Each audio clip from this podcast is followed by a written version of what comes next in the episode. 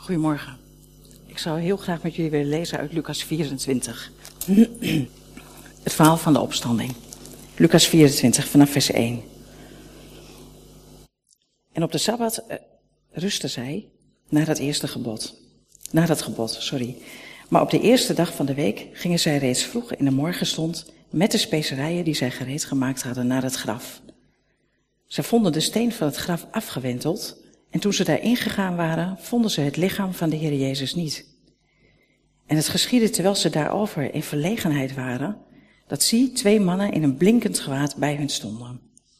En toen ze zeer verschrikt werden en haar aangezicht ter aarde neigden, eigenlijk bij de mannen wegkeken, toen zeiden die tot hun, wat zoeken jullie de levende bij de doden? Hij is hier niet, hij is opgewekt. Herinnert u zich hoe hij, toen hij nog in Galilea was, tot u gesproken heeft en zei dat de zoon van mensen moest overgeleverd worden in de handen van zondige mensen en moest gekruisigd worden en ten derde dagen zou opstaan? En zij herinnerden zich zijn woorden. En teruggekeerd van zijn graf boodschapte zij dit alles aan de elfen, dat zijn de, de, niet de elfen met een F, maar de discipelen, aan de discipelen en aan al de anderen. Eigenlijk aan wie het maar horen wou. En dit waren, want om wie gaat het, Maria van Magdala en Johanna en Maria, de moeder van Jacobus. En de anderen die met haar waren, die vertelden dit aan de apostelen. En deze woorden schenen hun zotte klap. En zij geloofden haar niet. Maar Petrus stond op en hij liep snel naar het graf. En toen hij zich bukte, zag hij alleen de winsels liggen. En hij ging weg, bij zichzelf verbaasd over wat er gebeurd mocht zijn. De Heer is waarlijk opgestaan. Gefeliciteerd. Hebt u eigenlijk elkaar al bij de hand gehad? Want dit is een feestje, hè? Hebt u elkaar al gefeliciteerd? Van hé, hey, dit is, dit is de, de kern van ons geloof. Gefeliciteerd. Jezus is waarlijk opgestaan. Vandaag is het voor ons Pasen. Ja, ik zie gelukkig wat mensen die zich vrijmoedig. We zingen wel over vrijmoedigheid, maar om dat dan ook te doen, dat is nog weer wat anders, hè? In heel veel kerken is het heel normaal, hè? Om, uh, om met Pasen, dan kom je bij elkaar, dan ontmoet je elkaar, je geeft elkaar de hand en dan zeg je, he's risen, he's, he's certainly risen. En dan is het eigenlijk samen dat feestje vieren. Dat doe je eigenlijk al vanaf binnenkomst. Want mensen, dit is de kern van ons geloof. Het is niet kerst, ons geloof is niet een geloof met zilver en gouden verpakking, verpakkingen, strikjes en ballen links en rechts. Uh, maar dit is, dit is waar het eigenlijk om draait bij ons, in ons christelijk geloof. Dit is de kern van ons geloof die als het goed is een uitwerking mag hebben in ons dagelijks leven. En wat is dat dan? Dat is Jezus die is gestorven, die is begraven, maar die ook is opgewekt. En die leeft, die leeft vandaag de dag.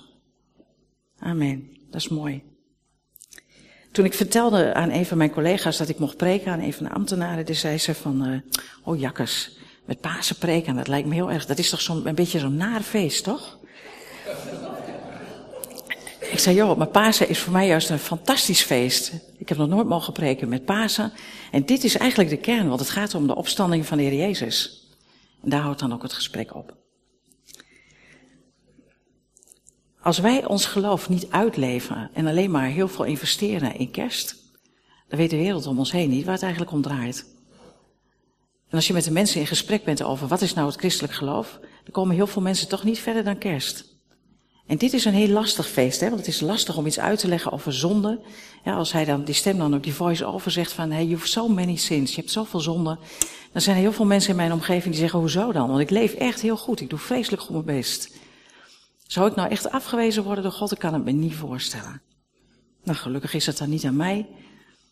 En toch hebben we wel een boodschap.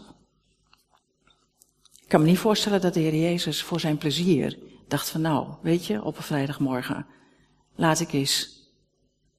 Dus als dit niet nodig was geweest, dan was dit niet gebeurd. Als je zo'n twijfelaar bent, die het ook allemaal niet precies weet hoe dat nou zat met Jezus en of hij nou wel of niet is opgestaan. He, want uh, twee weken geleden stond in de krant dat Nederland van God los is. Hè? We hebben God losgelaten in, uh, in Nederland. Als je zo'n twijfelaar bent, dan, dan bevind je je eigenlijk in goed gezelschap. Want de discipelen twijfelden ook. Sterker nog, toen het verhaal kwam dat Maria, Maria vertelde van ah, hij is opgestaan, toen zeiden ze, joh, zotteklap. Zotteklap. En daarvoor staat in de Bijbel dat je daar niet naar moet luisteren. Dus ofwel, wij zijn hier met elkaar een stel zotten die hier zitten. Gekken, mensen die het niet helemaal helder hebben in ons hoofd. Ofwel, we hebben een boodschap die ons zo zou kunnen inspireren, dat we er eigenlijk bijna niet stil van zouden kunnen moeten zitten op onze stoel. Eigenlijk draait dat hele verhaal om die persoon van de Heer Jezus. En wie is nou eigenlijk die Heer Jezus? Wie is Jezus? Wie is, is Christus of Christus? Hè? Ik hoorde laatst van iemand die zei, ja, als je Christus zegt, heb je al een andere beleving dan wanneer je Christus zegt. ik zei, jongen, jongen, waar gaat het allemaal over? Waar gaat het allemaal over? Maar het gaat over de Heer Jezus. En wie is die Heer Jezus? Wat voor waarde geven wij aan wat Hij zegt? En wat voor waarde, hoe belangrijk is het dan dat hij is opgestaan? Ik sprak met iemand met een, met een nieuwjaarsborrel dit jaar en die zei, ach nou, of hij nou is opgestaan of niet, eigenlijk boeit dat natuurlijk niet zo, hè? Want zijn legacy, hè, zijn verhaal, dat gaat toch gewoon door. Dus hoe belangrijk is dat nou? En we hebben toch een fijne kerk, hè? we doen toch goede dingen met elkaar. En we kunnen toch nog steeds zijn erfgoed, hè, kunnen we in de wereld brengen. En dat is ook allemaal zo, dat is waar. Dus ik, een, belangrijke vraag voor mij aan jullie is: van wanneer geef je waarde aan iemands woorden? Wanneer doe je dat? Overleg eens even met elkaar. Wanneer geef je waarde aan iemands woorden? Nou, roep eens. Dat zijn jullie wel van mij gewend, hè? Wanneer geef je waarde aan iemands woorden? Als die de waarheid spreekt. Ja, maar hoe weet je dat dan? Als het uitkomt. Ik ga het even samenvatten hoor, want anders mensen hier kunnen het misschien niet verstaan. het heeft te maken met, je kunt wel een heel verhaal bedenken over het Heer Jezus, uh, belang van wel leven, niet leven. Uh, maar dat is de rest van de preek, daar gaan we het zo over hebben. Maar waar, ik heel benieuwd naar ben, is van wat, wanneer geef je waarde aan woorden van iemand? want wat maakt nou dat je bij de een denkt van ja, dat zal wel, en bij de ander neem je het heel serieus? Ja, roep eens. Oké, kennis van iemand, de status die die heeft, autoriteit die die heeft, ja. Nog een keer? Of die betrouwbaar overkomt. Dus. Ik hoor nog iets ergens daar. De daden moeten kloppen met de woorden. Nou, die vind ik ook, die vind ik ook wel heel mooi. In het Joods is dat ook zo, hè? Het woord dabar is het woord voor, voor daad en ook het woord voor woord. Met andere woorden, als de woorden van iemand kloppen met de daden die die, die laat zien, dan zijn we eerder geneigd om daar waarde aan te geven. En als, uh, als ik de ene boodschap uh, vertel en jullie zien mij morgen in de krant staan met heel wat anders, dan denk je, ja, hier klopt dus iets niet. En dan gaat je waarde, gaat, je betrouwbaarheid gaat heel erg snel naar beneden. Of kan heel snel naar beneden gaan. Nou, dus die bril die wij op hebben naar het waarde toekennen aan iemand in ons leven, mogen we, ook, mogen we ook opzetten als we kijken naar de Heer Jezus. En dat wilde ik vanmorgen maar eens doen. En eigenlijk zie ik maar een paar mogelijkheden. Of Jezus is een hele gevaarlijke gek. Een hele gevaarlijke gek. Die mensen meeneemt in een drogleer. Die, die ongekende grootte heeft. Want het speelt nu nog. Dan heb je het over een heel gevaarlijk iemand. Of hij is gewoon een leugenaar, kan ook. dat hij gewoon een leugenaar is. Mensen gewoon bedonderden. En dat ook wist. Maar daarnaast blijft er niet zoveel anders over dan of hij was wie hij zei dat hij was. En dan is hij de zoon van God. En misschien is het voor jou helemaal niet zo spannend. Misschien denk je, nou, nou ben ik hier naartoe gekomen met Pasen. En dan wilde ik zo'n yes opstanding spreken. En voor mij, als dit niet helder voor je is, kun je ook die yes opstanding spreek niet beleven. Want uiteindelijk gaat het erom, was Jezus wie die zei wie die was? En dan wordt heel belangrijk wat jij achterin zei, hè? Van joh, want anders is ons, wat, wat voor waarde heeft ons geloof anders? Wat doen we het dan allemaal voor? De mensen in die tijd moeten ook die gedachte hebben gehad. Hè? Dus er staat iemand op, een, een, eh, een illegitimate child, hè? Een, een kind van, eh, nou ja, ja, wie weet van wie dat kind was. Uh, die, gaat, die gaat roepen dat hij, nou ja, toch eigenlijk de Messias is. Maar hoe zou het voor ons zijn? Hè? Hoe zou het voor jou zijn? En je ziet dat gebeuren en die man die begint wonderen te doen en die gaat trekken. Dat deden wel meer mensen. De verhalen die komen rond. Hè? Dus we geen, er was toen nog niet een, een internet, dus dat duurde allemaal wat langer. Maar ondertussen begonnen die verhalen te leven. En eigenlijk gingen alles doen wat in het Oude Testament stond. Wat betekende van dit is de Messias. En profetie op profetie werd vervuld. Het werd waar, hè, wat iemand net zei. Als het waargemaakt wordt, als het klopt, hè, ja, het klopte dus. En de mensen moeten zich die vraag afgevraagd hebben van, joh, maar wat is dit? Is dit een leugenaar? Is die gestoord? Of is dit echt? Zou het dan misschien toch echt? En daar snakten ze naar, hè? Ze snakten naar verlossing. En in die zin is onze tijd niet anders. Als we kijken naar het nieuws, en dan gewoon even de afgelopen week, hè, wat de stille week had moeten staan en moeten zijn. Het was geen stille week. Het was een week met, vol met, uh, met ellende, met Brussel, met alles wat ermee samenhangt. Het was een week van angst. Een week waarin heel veel mensen zich nog meer zijn af gaan vragen, wat moeten al die geloven, wat hebben we eraan? Uh, niet bepaald stille week die je zou verwachten voor Pasen. Eigenlijk zit de hele wereld zit te wachten op verlossing. Op echt verlossing. Op iemand die nu het roer pakt en zegt van jongens, maar dit moet anders, dit kan anders. En iemand die dit echt gaat leiden. Nou, die tijd was toen ook. Die tijd was toen ook. En langzaam maar zeker begon het gevoel te komen van misschien is hij het dan toch wel, misschien is hij het wel echt. Misschien. Maar die vraag is voor ons net zo relevant, mensen. Dus dan begin ik maar even met, als stel nou dat hij een leugenaar was. Stel nou dat hij een leugenaar was. Wanneer lieg je? Ja, jullie liegen natuurlijk nooit. Maar wanneer lieg je? Als je er zelf beter van kan worden. Precies. En dan, uh, we hebben net iets gezongen over dingen die je verbergt in je hart, hè, waarvan je hoopt dat niemand anders die weet. Uh, want nou ja, dat God dat weet is één ding, maar als iemand anders in je omgeving dat zou weten, daar word je niet zo blij van. Um, en dan liegen we daar wel eens over. In het Engels hebben ze zelfs een white lie, heet dat. Dat is een leugen die is niet zo heel erg, maar ja, die komt iedereen ten goede. Als iemand je vraagt van hoe vind je dat die jurk staat en jij zegt, oh, heel leuk. Want je kunt moeilijk zeggen dat het helemaal niet staat, zeg maar. White lie. Maar we liegen eigenlijk om er beter van te worden. Dus als Jezus een leugenaar zou zijn geweest, dan had hij beter kunnen liegen om daar beter van te worden. Eigenlijk had hij maar beter gewoon zijn mond kunnen houden. Hij had helemaal niet hoeven lijden, hè? Hij deed het eigenlijk heel goed. Als hij nu in de pols eh, zou staan, dan zou hij het heel goed doen. Tot het moment dat hij begon over lijden. En tot het moment dat hij begon over sterven. En tot het moment dat hij zei van nou, ik, moet sterven en weer opstaan. De mensen die konden dat helemaal niet, eh, die konden er helemaal niks mee.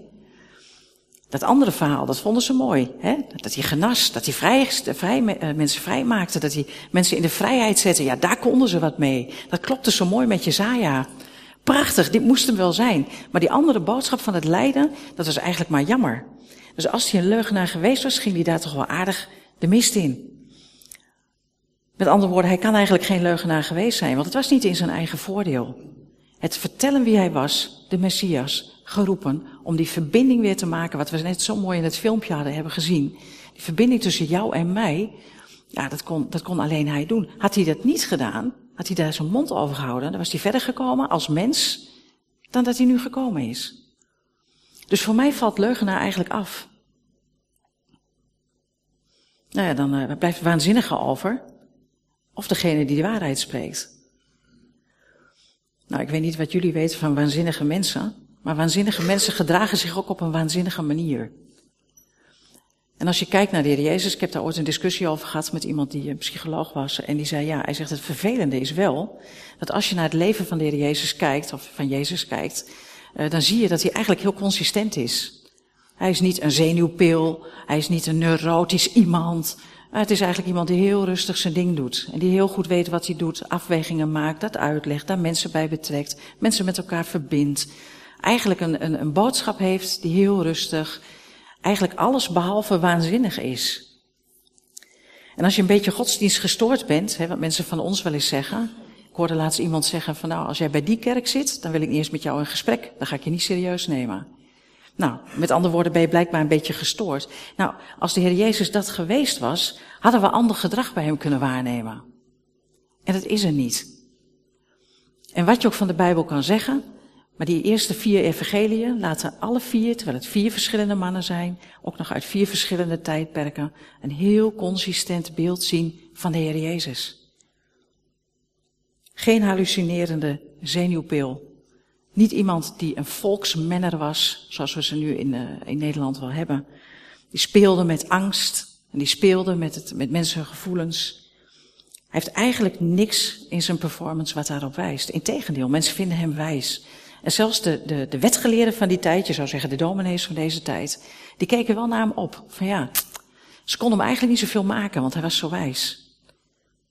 Dus dat beeld van die waanzinnige, dat wil ik met alle plezier overigens heel snel loslaten. Want het past niet. Het past niet bij, bij wat we zien van de Heer Jezus. Dus er blijft eigenlijk maar één ding over. En dat was dat hij de waarheid sprak. Dat was dat hij dus wist dat hij die verzoener ging zijn. De verzoener ging zijn tussen God en ons als mensen. Dat hij degene was die die oneindige relatie, die zo verbroken was, die zo mooi was in het begin. Daarom heb ik toch gekozen voor, voor dit filmpje, want het was zo mooi, hè? Het was een huwelijk, het was, een, het was zo hecht, dat hij die relatie weer terug ging brengen. En daar ging hij voor, ook al kostte hem dat ze leven. Daar hielp geen lieve moeder aan. En je kunt je voorstellen dat je als je in die tijd zou leven, dat het best wel teleurstellend was.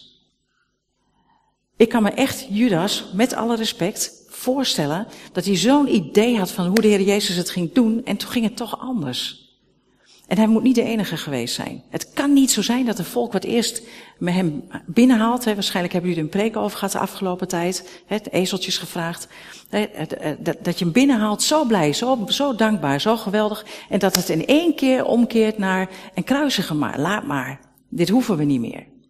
En dat is er zo diep ingehakt bij die discipelen. Dat is gewoon een traumatische ervaring geweest. Want de discipelen hadden het niet verwacht. De mensen eromheen gingen met z'n allen mee. En de discipelen zaten bij elkaar en ze konden eigenlijk niet meer anders kijken. Ze hadden nog maar één beeld van, nou ja, weet je wat ons nou is overkomen? We weten het eigenlijk ook niet meer. En ze zaten met z'n allen in huis, te siepen, met alle respect weer. En ze hadden geen, geen visie meer, geen perspectief. En dan komen daar die vrouwen vertellen.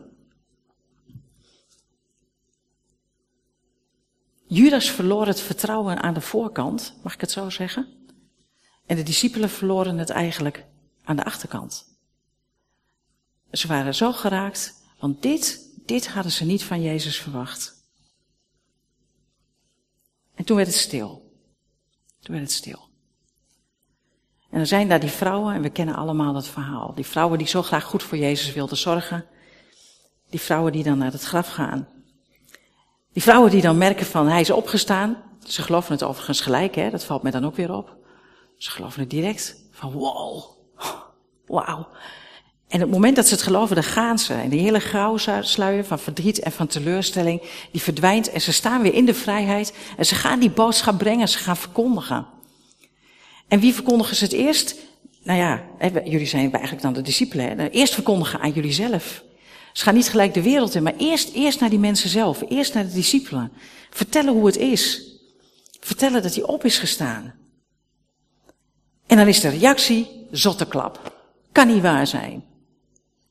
Het is om zeep. Het is voor de discipelen is het echt om zeep. En als je daar echt over nadenkt, dan is het heel bijzonder. Want Jezus is een verbinding met die discipelen aangegaan voor drie jaar. Ze hebben alles opgegeven. Hè? Kun je het voorstellen? Je vertelt thuis aan je man of aan je vriend, vriendin of aan je kids, ik ga alles opgeven. Ik ga drie jaar lang een goeroe volgen. Een rabbi, zouden ze in die tijd hebben gezegd. Hè? Jezus. Nou ja, en dan uh, ga je dus, ga je dus gewoon. Dat hebben ze gedaan, hè. Dus zo hecht was die band. Ze hebben drie jaar lang heel close opgetrokken. Ze waren hem eigenlijk wel steeds meer gaan vertrouwen. Dat was wel gegroeid in de tijd. Maar toch, als je vlak voor dit, eh, voor dit verhaal leest, dan zijn er nog wel van die momentjes, dan zegt Jezus dingen en dan weten ze het niet zo goed. En dan durven ze toch niet te vragen. Dan denk toch van, nou, ze snapt het niet, staat er dan ook, hè. Ze begrepen niet allemaal wat hij zei, maar daar lieten ze het dan ook bij, hè. Dus ze hadden wel een ontzag voor hem. Maar ze hadden ook heel grote verwachtingen van zo zal het gaan. Maar ken je dat? Dat hebben wij ook, hè? We hebben ook verwachtingen. Je wordt christen, je bent enthousiast, je gaat ervoor, je leeft je leven. Misschien wil je wel een zending in, misschien heb je wel allemaal ideale, prachtige dingen die je allemaal wil. En ondertussen zit je hier op een paarse stoel in een hele warme kerk, op, twee, op eerste paasdag. En waar sta jij nu met je geloof? Hoe kijk je nu naar de Heer Jezus? Even los van het feit dat het heerlijk is dat hij is opgestaan. Maar wat mag hij in jouw leven, welke rol mag hij in jouw leven opnemen? En net zei de, zei de voorzanger, ik weet niet of ik jou zo moet noemen, maar ik noem je maar even zo. Die zei, dat, die bad ook, dat hij hoopte dat God ons leven ging veranderen. God zal het wel doen, hè mensen? Toch? Of niet? Zeker. En waar ben jij dan in dat verhaal? Is mijn vraag. Die dames hadden ook, hè, de Maria's, die hadden ook kunnen zeggen bij, oeh, graf is leeg. Engelen zeggen, hm, is, hij is opgestaan. Hadden ze ook kunnen zeggen, nou dat is bijzonder. Dat gaat God vast wel duidelijk maken aan de rest. We gaan naar huis. Had gekund toch? Ja. Heer, verander hun. Heer, verander mij. Of laat je je inzetten, laat je je gebruiken. En dat doe jij, hè. Op het moment dat je je staat en te zingen en je neemt ons mee, geweldig. Want je brengt ons eigenlijk wat dichter bij dat koninkrijk. Je brengt ons iets dichter bij de beleving van wie God voor ons wil zijn. Wat doen wij? Wat doen wij?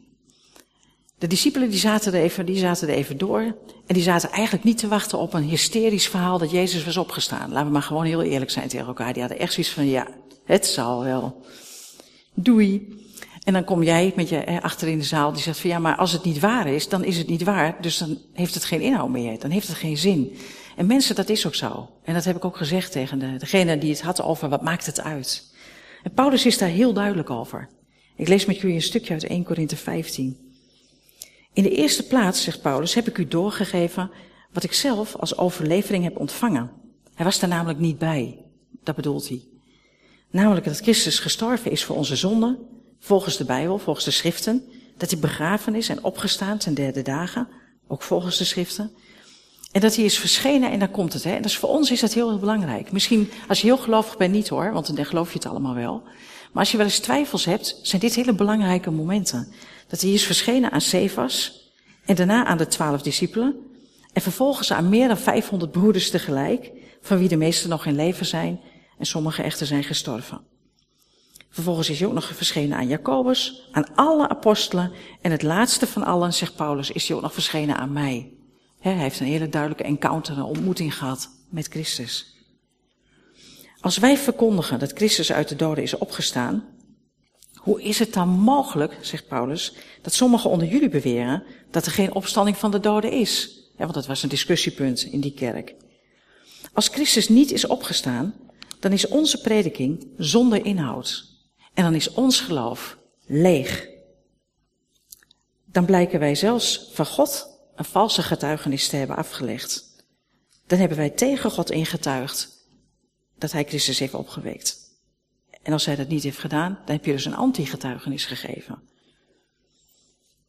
Wat hij niet heeft gedaan. Indien, zoals zij beweren, de dood niet kan verrijzen, is ons geloof leeg. Als je daarbij stilstaat, echt bij stilstaat, dan weet je, dit is een essentiële dag. Niet vandaag, deze dag, maar wel het paasfeest. Dat je realiseert van, Christus is verrezen, dat geeft ons geloof inhoud en vanuit dat geloof mogen wij in deze wereld staan. Het gaat niet zozeer om het leven na de dood, want daar heeft hij de discussie over. Maar hij bouwt zijn hele betoog op het feit dat Christus is opgestaan.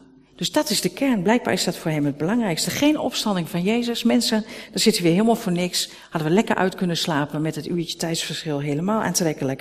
En dan hadden we een leeg geloof. Dan zaten we hier echt, ja, misschien een beetje voor de gezelligheid of de traditie. En dan krijg je de groet, die iedereen elkaar ook groet. Lekker eten, hè? Nog niet zo lang geleden kwamen wij uit een kerk. En daar waren we naartoe gegaan. Uh, en daar werd God beschreven als niet bestaand. Maar zijn gedachtegoed was natuurlijk wel heel belangrijk. En het klonk allemaal mooi, maar we kwamen eruit, Nico en ik, en we zeiden, ja, dan voel je je toch bekocht.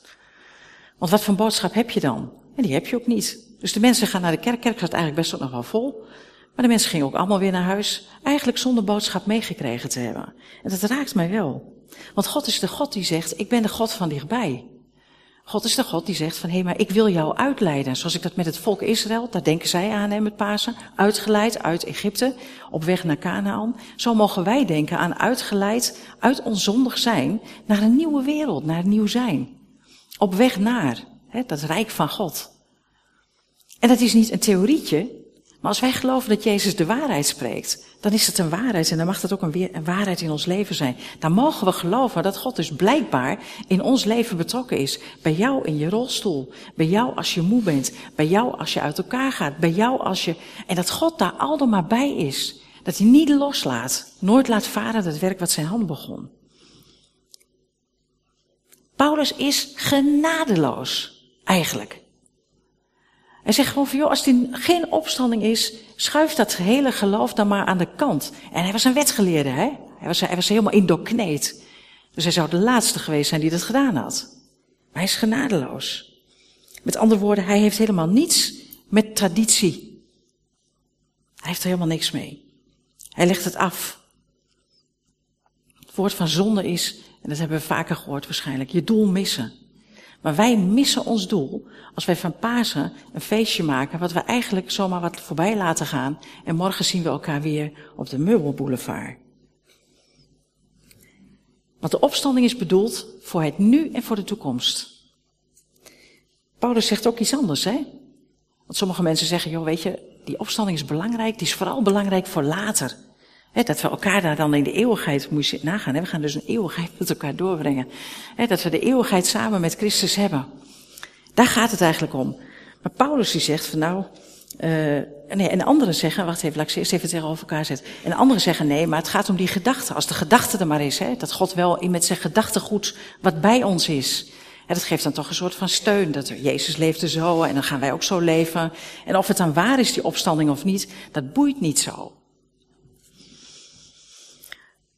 Paulus zegt daarin uh, ook weer iets heel duidelijks. Indien wij enkel voor dit leven onze hoop op Christus hebben gesteld, dan zijn wij het, meest van alle mensen te beklagen. Dus als je denkt vanuit een soort traditieachtig iets, van nou ja, Jezus, uh, goede gedachten, leuk, hè, Maharaji ook leuk, Boeddha ook leuk, Jezus ook leuk. Als je zo met Jezus omgaat, dan ben je eigenlijk te beklagen, want zo is het niet. Christus is opgestaan uit de dood als eersteling van de mensen die opgestaan is. De dood is er gekomen door de, uh, een mens, de dood is weer overwonnen door een mens. Maar ieder wel in zijn eigen rangorde. Eerst Christus. En dan bij zijn komst allen die Christus toebehoren. Het is ook nog belangrijk ook dat hij nummer één is. Nou, daarna komt het einde. En wat is dat einde? Hij zal het koningschap aan God de Vader overdragen. Dat zal de Heer Jezus doen. Na alle heerschappij en macht en kracht te hebben ontroond.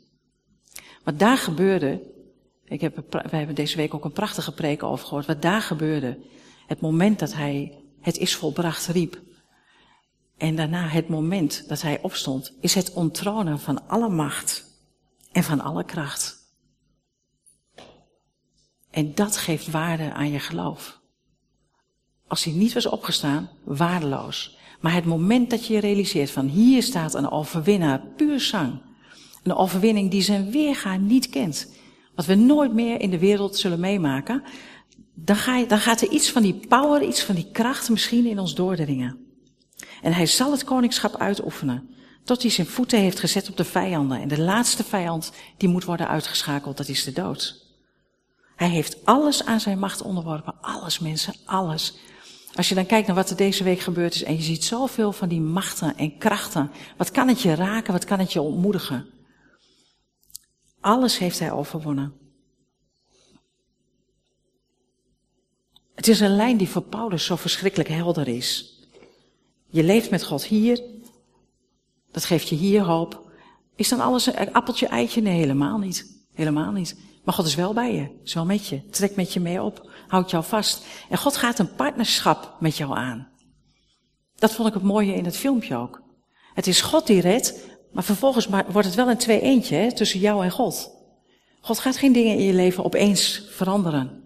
Tenzij je daarom vraagt en tenzij je dat zelf ook wilt. Tenzij je jezelf ook daarvoor inzet. En mensen, die uitdaging die ligt er, hè, die ligt er voor ons allemaal, die ligt er ook voor mij.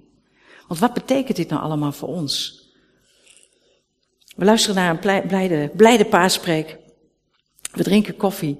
En dan gaan we weer ons weegs. Hè, dat kan. De koffie is hier trouwens goed, fairtrade.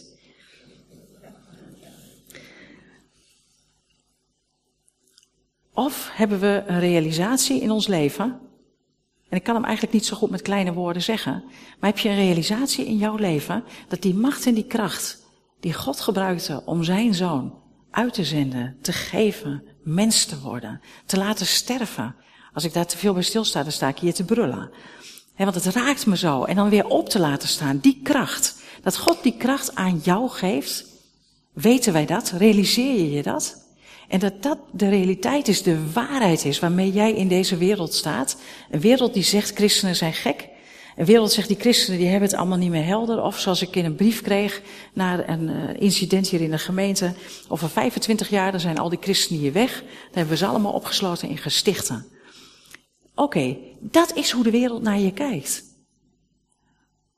En dan is het knap lastig om vanuit je eigen kracht te blijven staan en te zeggen, en toch weet ik dat het goed is of zo, weet ik veel. Dat kan niet. We hebben die kracht nodig van God. We hebben zo die kracht van de Heilige Geest nodig, die opstandingskracht in ons eigen leven. Om hoop te houden als iedereen op je neerkijkt. Om moed te hebben wanneer het lijkt alsof je leven uit elkaar valt. Om het geloof te hebben dat de dingen die lukken, echt lukken en dat het mag. En dat je daar helemaal blij mee mag zijn. Wij hebben die opstandingskracht nodig elke dag van ons leven. En dan gaat het erom, accepteren we dit als waar of denken we het zal wel. Want bij het zal wel gaat die verandering niet komen. Maar als je echt gelooft dat het waar is, dan moet je daar wat mee, hè? Dan kun je niet stil blijven zitten. Noblesse oblige, we maken deel uit van een nieuw koninkrijk, mensen. We zijn ambassadeurs. We zijn ambassadeurs van een God die iedere mens kostbaar vindt. Iedere mens. Afgelopen maandag moest ik, uh, mocht ik meedoen met het eh, programma uh, Geloof en Hoop Liefde. En toen vroegen ze mij, was een vraag, moest ik over nadenken van tevoren. Wat wil je nou uitroepen over drachten? Ik dacht dat het een interviewtje was, dus ik had dan mooi wat zinnetjes op papier gezet wat ik dan wel wilde vertellen. Maar ik kreeg zo'n toeter in mijn hand. U kent het programma misschien, ik niet. En ik stond in het, in, ik heb hoogtevrees, in de grote kerk bovenin door een raampje. Me goed vasthouden, moest ik iets roepen. Maar het is even wat anders, hè? Want ik had op de tekst had ik staan van ja, ik, ik, wil, ik wil de mensen vertellen dat God je zo kostbaar vindt en dat hij alles voor je over heeft gehad. Maar dat kun je niet roepen door zo'n toetertje. Tenminste, die, al die zinnetjes niet, hè? Het moest kort zijn en nou, je kent de televisie. En al pratend, uh, gelukkig waren allemaal christenen, dus dat wisten we van elkaar, dus we waren aan het praten van wat wil ik nou roeptoeteren over, over Smallingland. En ik heb geroepen, jullie zijn kostbaar, want dat is wat God doet. Nou, dat zei ik er niet bij. Jullie zijn kostbaar. Zoals je hier zit, jullie zijn kostbaar. Jouw buren, die zijn kostbaar. Jouw, jouw collega's, vooral die collega die je zo moeilijk maakt, die is kostbaar. Want God vindt die ander kostbaar. En we hebben daar wat mee te doen, mensen. Niet als een verplichting met een target, hoeveel mensen heb je tot bekering gebracht. Maar we hebben iets te laten zien van het koninkrijk van God in die omgeving die we hebben. Vanuit het feit dat God zegt, ik vind jullie zo kostbaar. Ik geef, al, ik geef alles. Ik geef alles. We hebben eigenlijk maar twee perspectieven. Het ene is het wereldse perspectief. Nou, dan zijn we dus knettergek met z'n allen. Zonder van onze tijd dat we hier zitten. Gelukkig zometeen een goede maaltijd. Of we hebben het perspectief vanuit het evangelie, vanuit de Bijbel, vanuit wie Jezus is. En dat is een, een, perspectief wat zo inspirerend is. Want dat betekent dat we in onze kwetsbaarheid, met alle dingen die mis zijn in ons eigen leven, onze gebrokenheid, hè, even terug naar het filmpje, dat God ons kan, kan gebruiken omdat hij zijn kracht in jou en in mij heeft gelegd. Nou, dat is een perspectief, daar word ik heel blij van. Daar word ik ook heel dankbaar van. En soms schaam ik me bijna als ik dan weer eventjes wat kwijt ben. Dat ik denk van in alle drukte en de waan van de dag, dat je zo druk met van alles bent, bezig bent, dat je, dat je bijna weer in eigen kracht aan het racen bent. Terwijl God zegt, kom maar tot mij. Mijn juk is zacht, mijn last is licht. Kom maar tot mij als je vermoeid bent. Heerlijk. En dan zijn we ambassadeurs van Gods koninkrijk. Niet ambassadeurs in eigen kracht. Niet ambassadeurs omdat we het allemaal zelf zo goed kunnen. De kerk is vaak een verscheurde organisatie. Iemand bad dat ook. Hè? Er is vaak zoveel strijd. We zijn feilbare mensen. Perfecte kerken bestaan niet. Als ik kom, is die niet meer perfect. We hebben geen perfecte broers en zussen. We mogen fouten maken, we mogen leren. Waarom? Omdat er God is die zegt, ik heb je zo lief, vind je zo kostbaar. Ga leren. Ga leven, maar ga wel leven vanuit mijn kracht. Geloof jij, hè, zoals je hier zit, geloof je dat Jezus is opgestaan? Ja? Oké. Niet iedereen zegt wat, dan hoeft dat ook niet. Gelukkig ben je daar ook vrij in. Maar als wij dat geloven, dan geloven wij dat we door genade behouden zijn. Dat is de kern van ons geloof. Hè? We zijn door genade behouden. Door het geloof. En dat niet uit jouzelf is belangrijk, want anders ga je heel hard werken voor God, hè? Krijg je een burn-out van. Dat niet uit jezelf. Het is een gave van God, niet uit werken, opdat niemand roemen. Het is een gave van God. Niet uitwerken, opdat niemand roemen. Met andere woorden, je kunt nooit zeggen, kijk eens hoe goed ik ben als christen. Oh, wat doe ik het geweldig. Kan niet. Wat God doet, het is door zijn genade dat wij behouden zijn. Wij zijn zijn maaksel. Jij en ik, we zijn zijn maaksel. En hij heeft ons lief, hij vindt ons kostbaar. En wij mogen de goede werken doen die hij van tevoren bereid heeft. Ik denk het moment dat we dat loslaten, dan gaan we met z'n allen onderuit. En daarmee pleit ik niet voor in een hoekje gaan zitten en bidden van nou heer doe het maar. Doe uw wil in mij en overal om mij heen. Dat bedoel ik niet. Ik bedoel natuurlijk wel dat je er ook voor open staat, dat God je mag leiden, dat God je mag vormen. Maar je hoeft het niet in eigen kracht te doen. Want in eigen kracht, ik heb dat zelf ook beleefd, gaan wij onderuit. En het kost weer maanden voordat je er dan weer bent. Op de keper beschouwd mensen, is het eigenlijk nu een nieuw jaar. Het is een nieuw jaar, een nieuw jaar van Gods bevrijding. Een nieuw jaar waarin we een opstanding vieren. Een nieuw jaar waarin we van die opstandingskracht gebruik mogen maken en zeggen, dit is het jaar, we gaan weer een nieuw jaar in, levend vanuit die kracht van het geloof. Een nieuw jaar waarin je eigenlijk de viering van jouw relatie met God mag, eh, of het bestaan van die relatie met God mag vieren. Eigenlijk een, een feestje voor ons allemaal. Nou, ik hoop dat we dat beleven dit jaar. Een, eh, een leven van vrijheid. Een leven ook in deze maatschappij van hoop, hè? want we hebben een boodschap van hoop.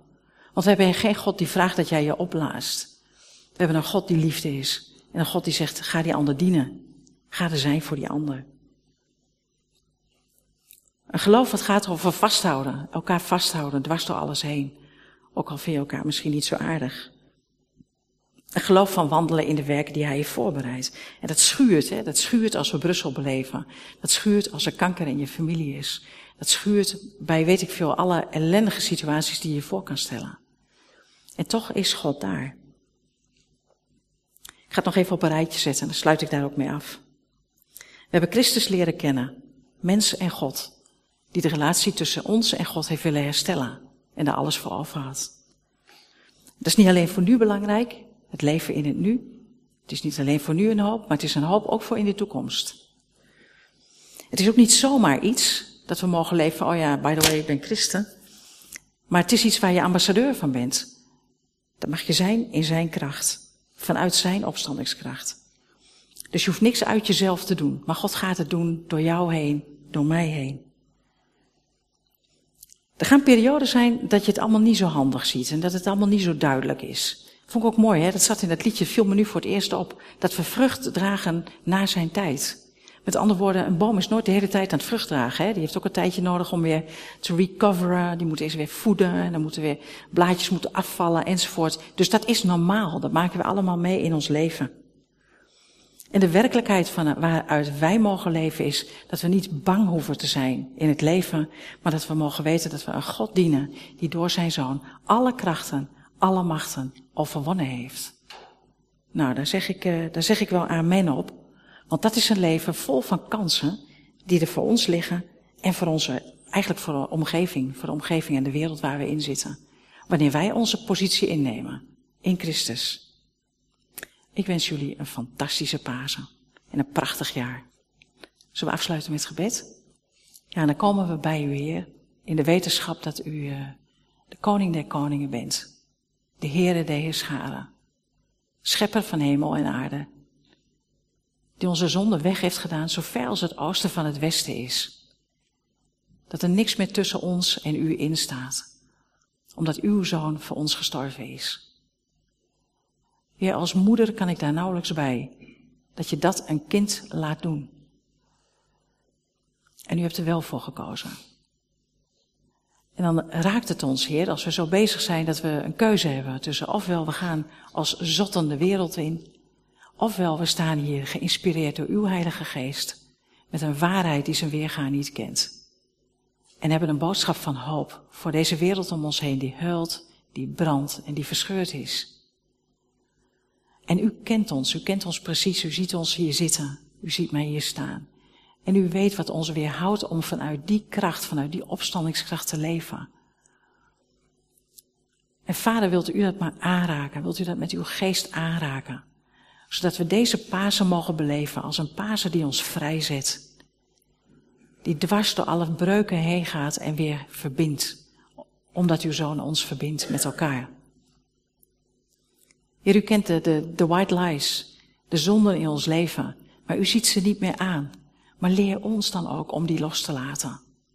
En om die met u te overwinnen. En leer ons, Heer, om in die ruimte te gaan staan. Om niet vanuit een slachtofferrol meer dingen te doen, maar in die ruimte te gaan staan.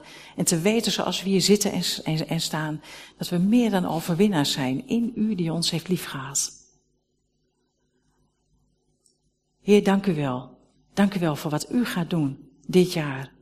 En wat zou mooi zijn als we dan volgend jaar met Pasen tegen elkaar kunnen zeggen. Weet je toen nog? Weet je toen nog? En als ik dan nu kijk naar mijn leven, dan is er wat veranderd. Dat we iets van die kracht van u in ons leven mogen zien. Dat anderen dat mogen zien. En jaloers mogen worden. Heer, wilt u ons die ambassadeurs maken van u, die we zo graag zouden willen zijn, maar wat we niet kunnen. Maar wel met u, in uw kracht. Dank u wel. Amen.